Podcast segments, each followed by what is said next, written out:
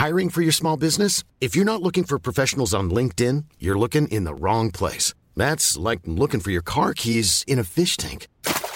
LinkedIn helps you hire professionals you can't find anywhere else, even those who aren't actively searching for a new job but might be open to the perfect role. In a given month, over 70% of LinkedIn users don't even visit other leading job sites. So start looking in the right place. With LinkedIn, you can hire professionals like a professional. Post your free job on linkedin.com slash people today.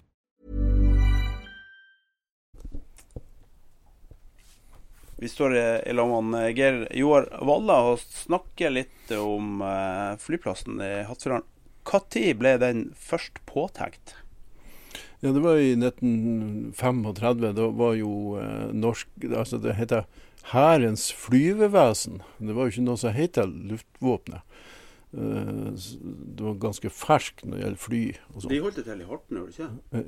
Nei, det var Marins. Marins flyvevesen. Det var to forskjellige. Ok. Det var på Kjeller og, og, og ja. Ja. Men i hvert fall så, så kom de der med noe sånn der eh, Om jeg kom på navnet på de, de flyene. De, de landa da med dobbeltdekker. Det var dobbeltdekkere. som ja. landet på en åker der. Og så eh, bruker de det litt seinere. Men så, når, det, når finlandskrigen begynte, så ble det ganske stor trafikk. Merkelig nok. Så, altså, de ble jo som en transittflyplass. Så at de drev og landa på åkeren, fylte bensin, og så for de videre. For de har ikke sånn lange strekninger de kunne fly uten at de måtte fylle bensin. Og, eh, Er vi 39 nå, da? Ja. Ja. Og så, og så ble det jo fart eh, da når tyskerne kom, og da kom de jo òg. Og da s- vil jeg tro at de, eh, etterretningstjenesten deres funnet ut at der var jo en flyplass. Ja. Men så de kom med det store Junker 52 og, og, og Ja, for det var inntegna som flyplass, var ikke det? Ja, det er det som var. Ja. Og når de kom med de svære flyene det, på slutten av april 1940, så skulle de videre til Narvik, så var det jo ikke noe flyplass. Når de landa på det der åkeren der, og og det var jo sånn der eh, slaps og, og is og sånn, så de har store problemer med å så greie å ta av igjen. Men eh, se meg en ting. eh, Vi har jo hørt om alle de her eh, kunststudentene og all kartlegginga og alt sammen. Og, men, men her gjorde de en dårlig jobb, altså.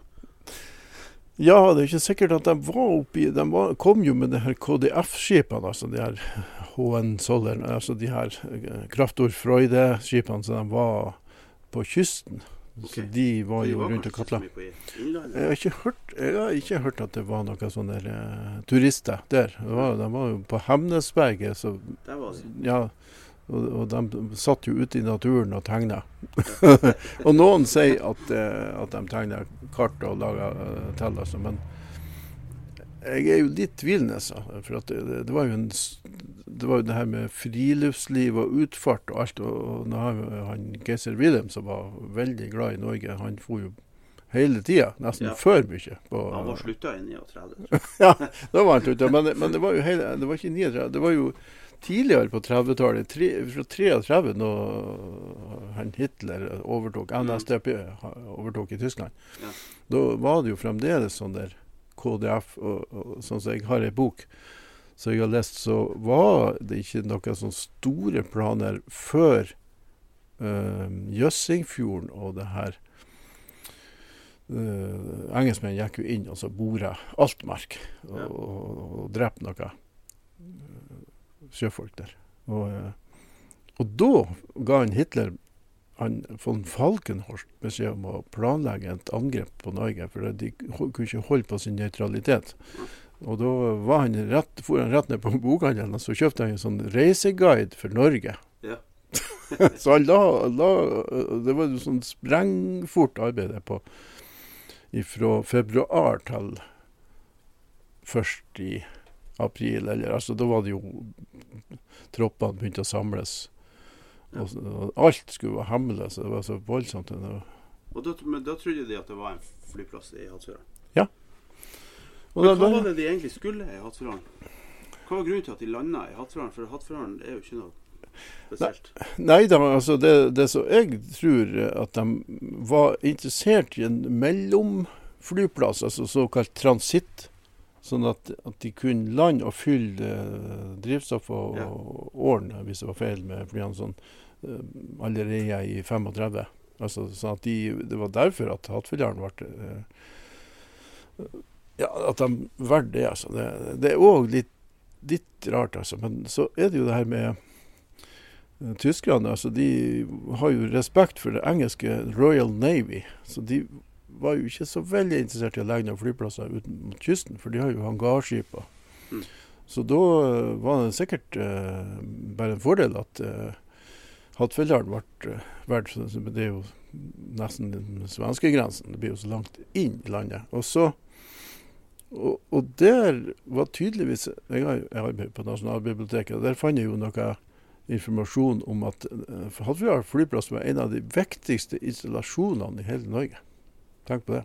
Så allerede høsten 1940 så var de i full gang. altså Da sender de ut anbud for, for betongdekke og stor hangar.